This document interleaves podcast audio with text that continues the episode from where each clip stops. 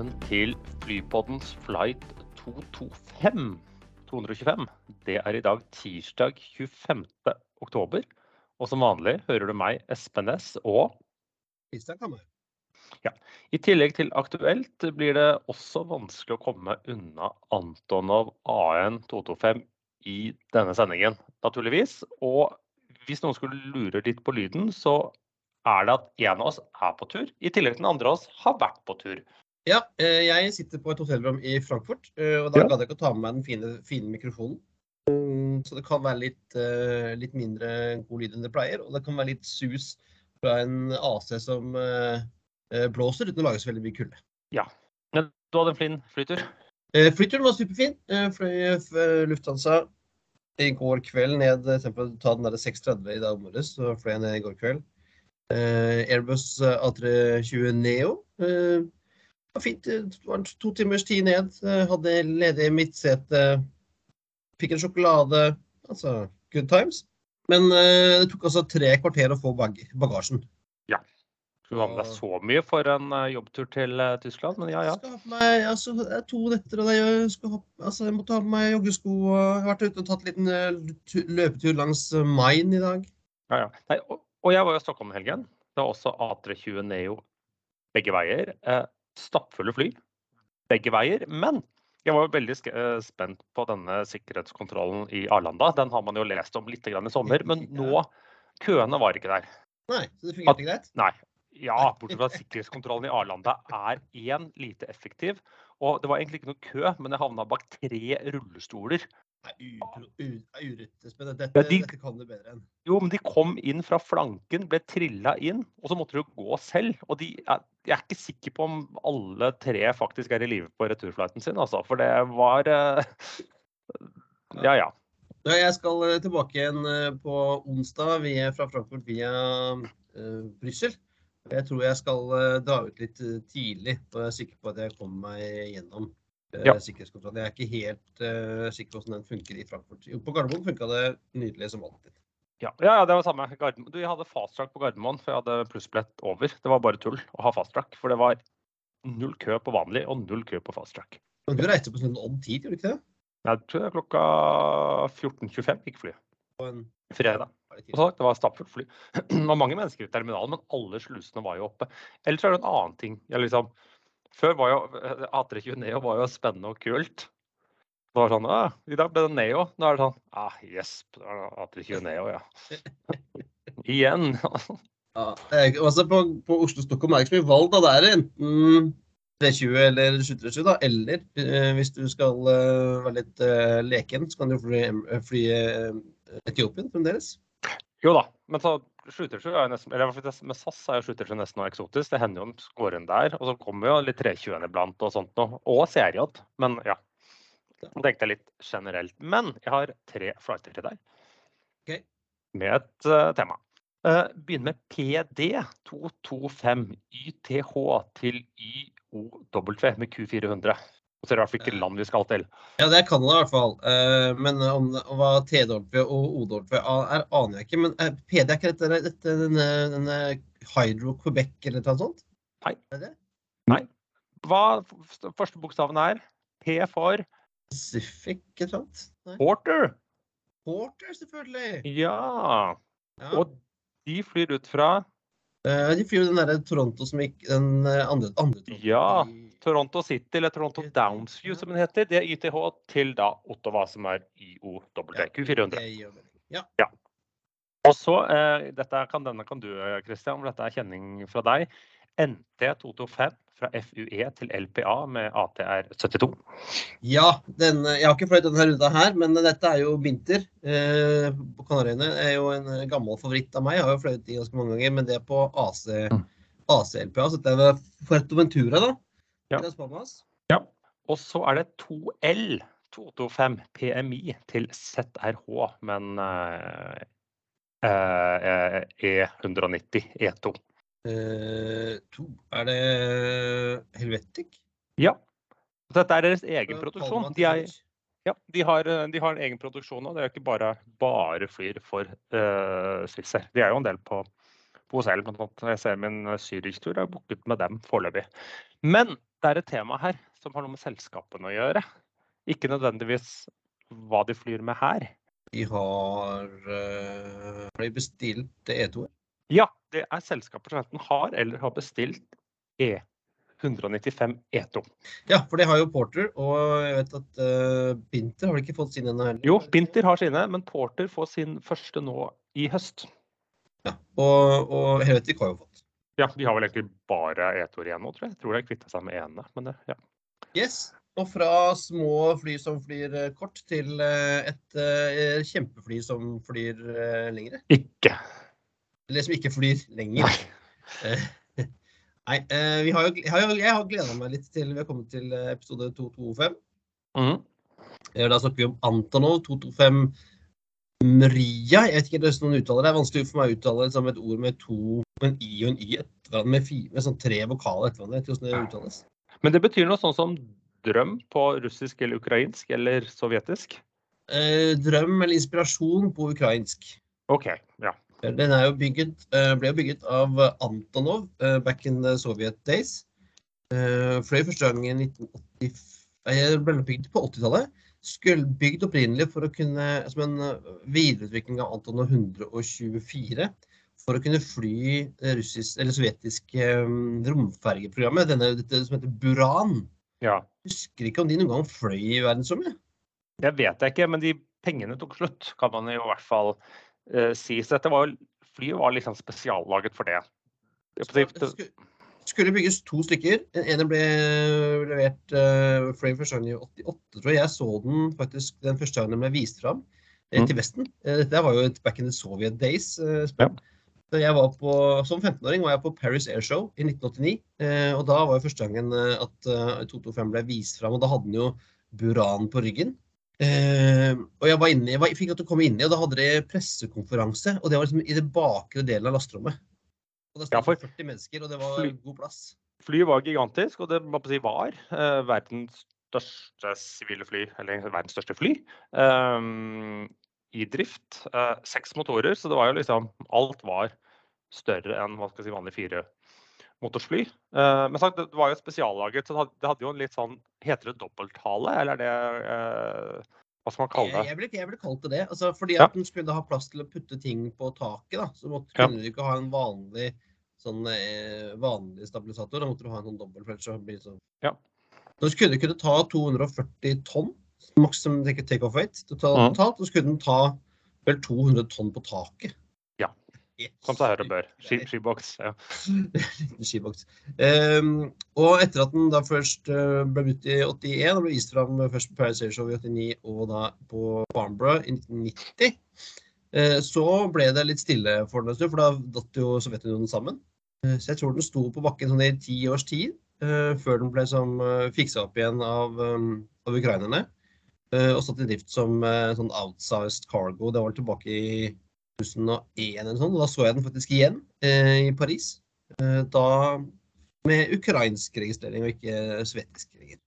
Ja, og den, den, ble jo brukt da veldig outside cargo. Det var liksom Hvis du skulle ha noe veldig, veldig stort, som selv da Antonov 124 eller tilsvarende var for eh, liten for. Og så ble den jo brukt litt grann under pandemien til litt sånn masketransport, uten at jeg vet hvor lønnsomt det var når alt ble pakka manuelt. og det var vært raskere å fløye to mindre fly, men det var nå så. Uh, og, men den ble jo ikke mye brukt. Uh, nei, uh, den det sto, sto, veldig stille. Uh, men så ble jo altså den, de, det var jo sånn, Skulle du ha noe som var enten veldig svært mm. eller veldig tungt, og som skulle langt av gårde, så var det jo ett et sted å ringe. Det var jo til Antonov.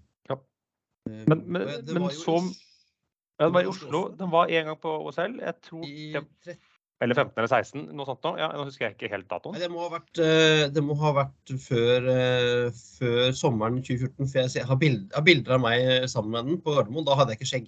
Og det fikk Nei. jeg i 14. Så det må være. Ja.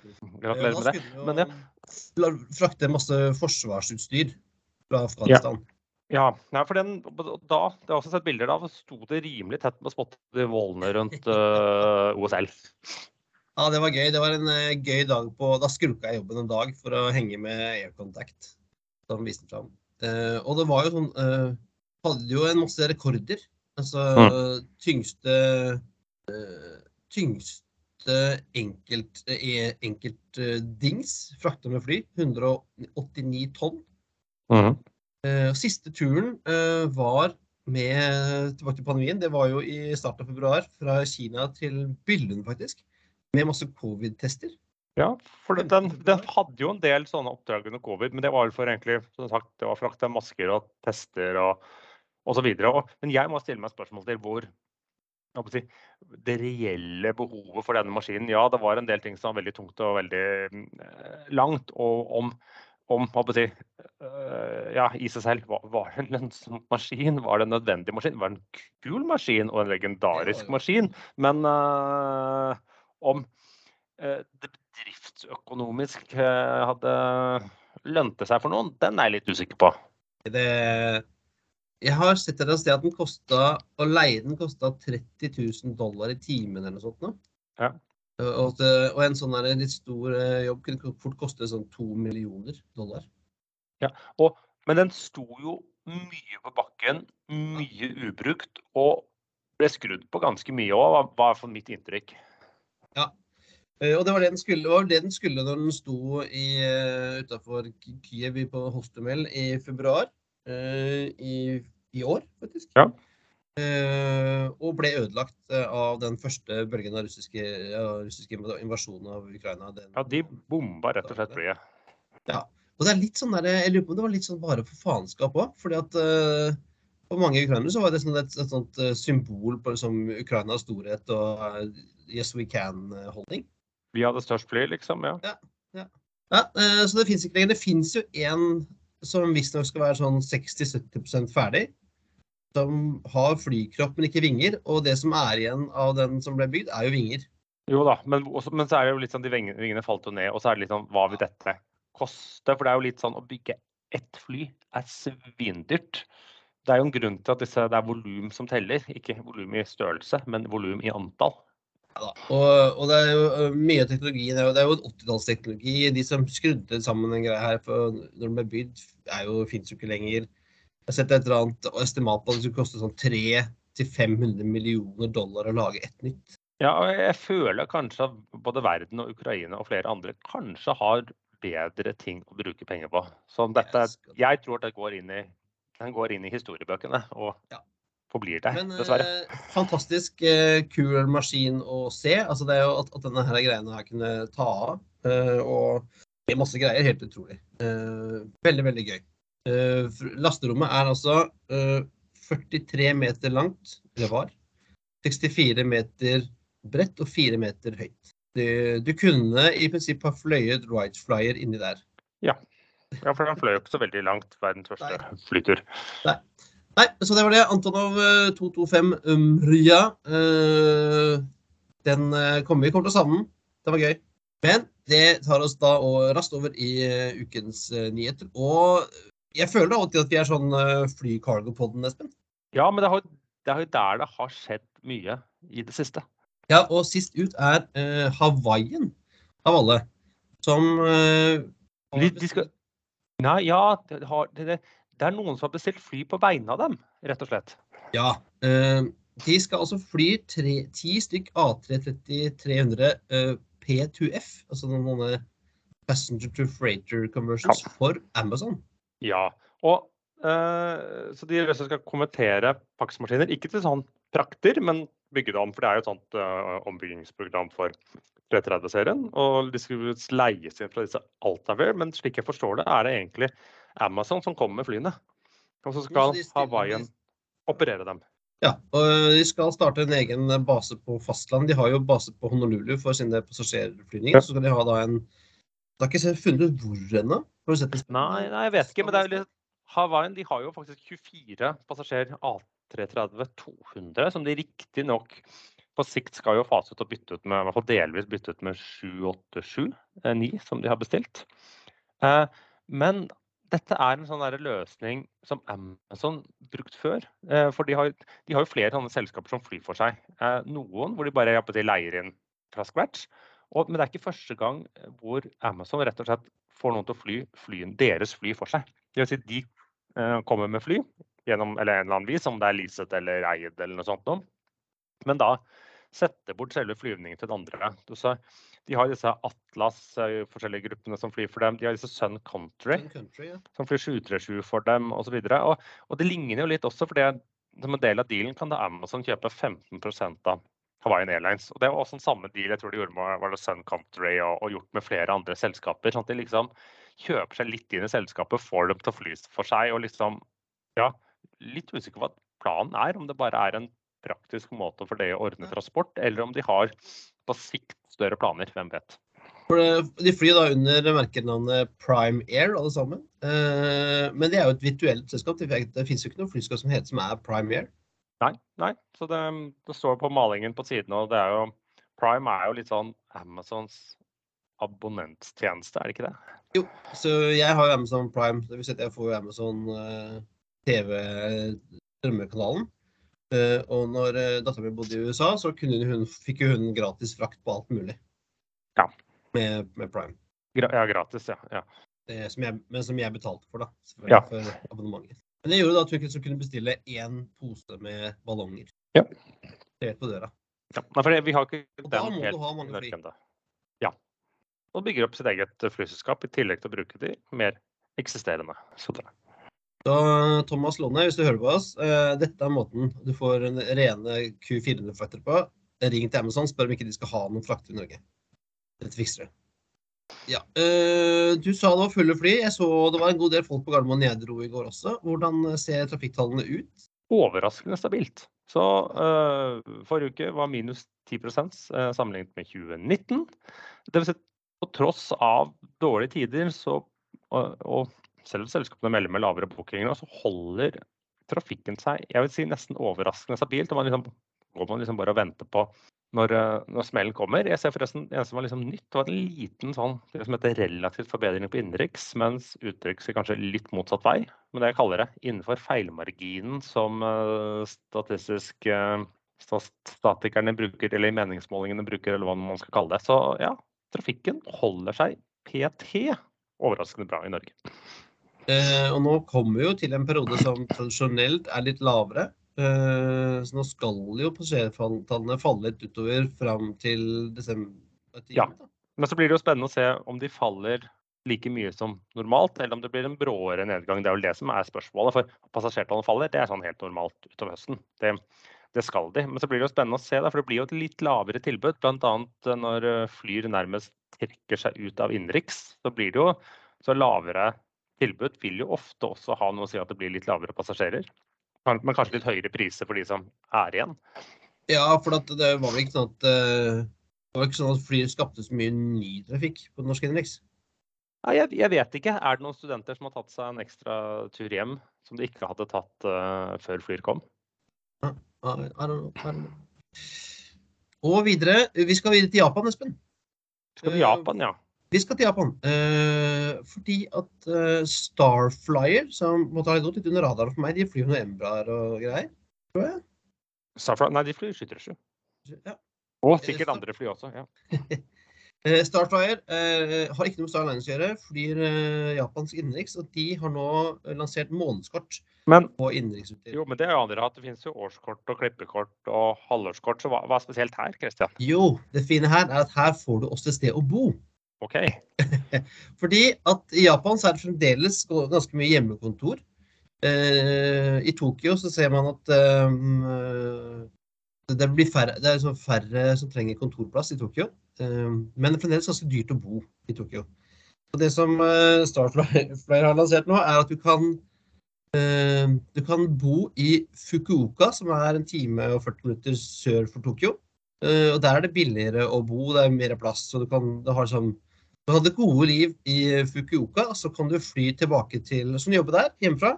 Og så kan du fly, ta månedskortet og fly til Tokyo og ha møter så ofte du trenger.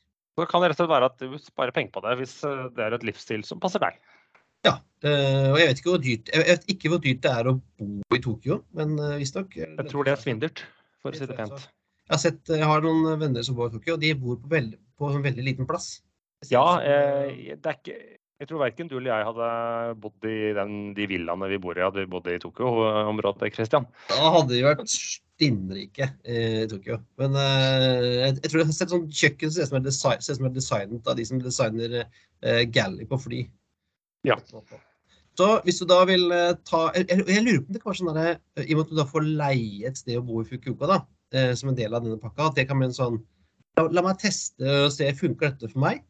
Det koster mellom 14 000 og 28 000. Jeg tror det har noe med hvor du, hva slags bolig du har. Okay, ja. Og da kan du fly så mye du orker, da.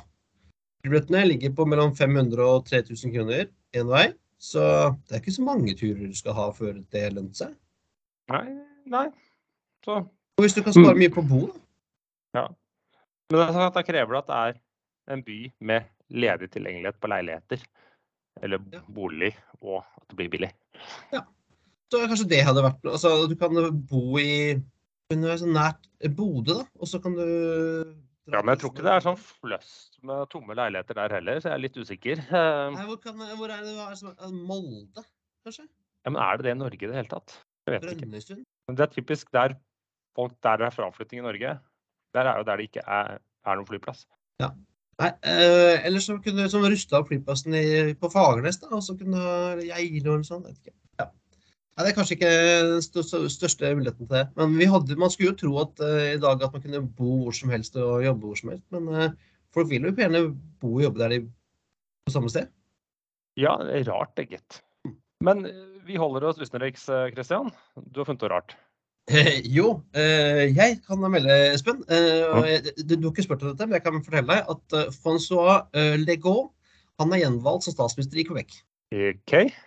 Ja, For du har ikke noe stort forhold til canadisk politikk, eller?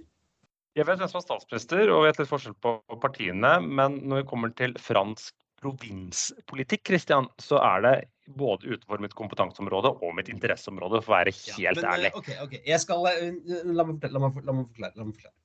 Uh, Legault han er 65 og har leder Koalisjon Avenir Quebec, TAQ, som er et økonomisk konservativt, men og nasjonalistisk parti som ikke er for løsrivelse for Quebec, som uh, parti Quebois, ja, det andre partiet er. Ja.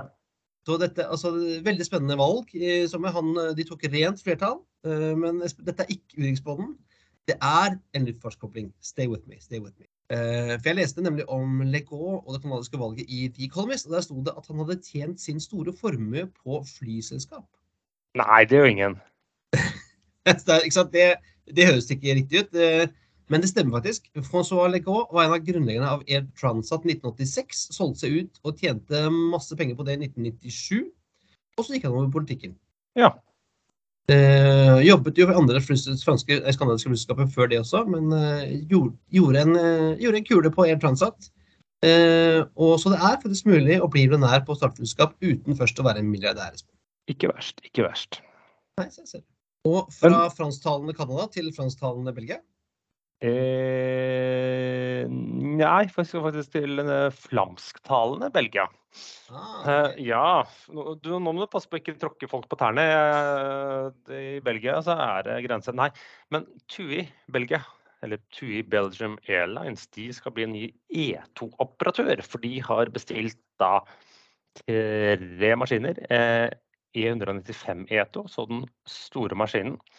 Eh, er jo, har jo Embraer E-Jets uh, før, for liksom tur fra Belgia. Er litt annerledes, for i tillegg til å ha en sånn ren 737-flåte, så har de alltid også fløyet noen sånne Embraer eh, rundt omkring. Og slik jeg forstår det, så skal de etter planen mye eller mest eller ofte eller hva det er, bl.a. brukes fra Antwerpen. Som jeg forstår har litt sånn kort og stutt rullebane. Ja. Antwerpen er jo sånn flyplass hvor det nesten ikke går noe annet enn frakt og charter. er sånn? Ja, det er litt frakt og charter. Så er det noen som har prøvd seg med litt sånn eh, London City og mer eller mindre mislykte forsøk. Og det er jo Jeg har vært i Antwerpen. Eh, å ta toget fra flyplassen i Brussel gikk jo unna på null komma niks. Ja. Men ja.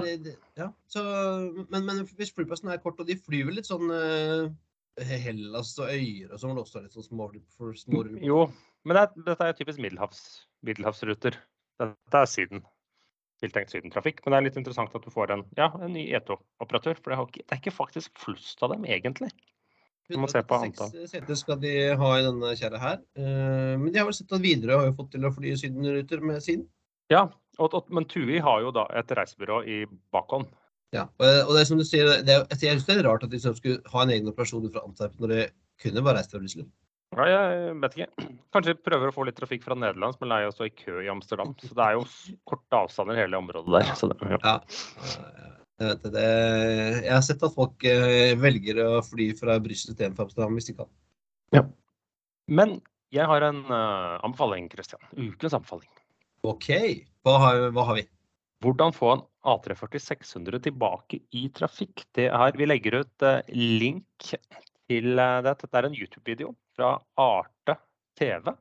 En dokumentar, halvtimes dokumentar som uh, følger uh, Lufthansa. Hvor da de har vært i Jeg vet ikke om det heter ørken når det er midt i Spania, men det er jammen ikke langt unna. Er Eh. Teruel, Teruel, tror jeg. Uh, Ja. Da uh, ja, trafikken gikk seg opp, og de måtte ned og sette i drift noen fly de hadde parkert, eller trodde de hadde parkert, eller lagret. Så da ja, handler det om rett og slett at hvordan få dette flyet litt klart igjen. Ja, men satte eh, ut av seg tilbake Ja, Lufthansa har nå en håndfull A340 600 i trafikk igjen. Så ingen av de i går. Jeg så uh, 340 Jeg så 340 Nei, men de er, i, de er basert i München. Ah, selvfølgelig, selvfølgelig. Eh, og i dag på løptur så så jeg flere 747-er på, inn, på innflytning, så det var en sånn alle, alle long haul-flightene kom inn. Ja, fordi, og de er basert i Frankfurt til 7478. Men det var alt for denne gang. På tide å sette festeekspertene rette opp setet og sikre fri sikt ut av vinduet ettersom flight eh, 225 går i forhandling.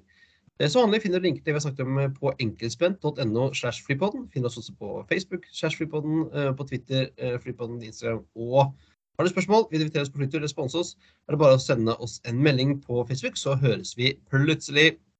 Da. Da. Da. We thank you for flying with us today. We truly appreciate your business and look forward to serving you on a future flight.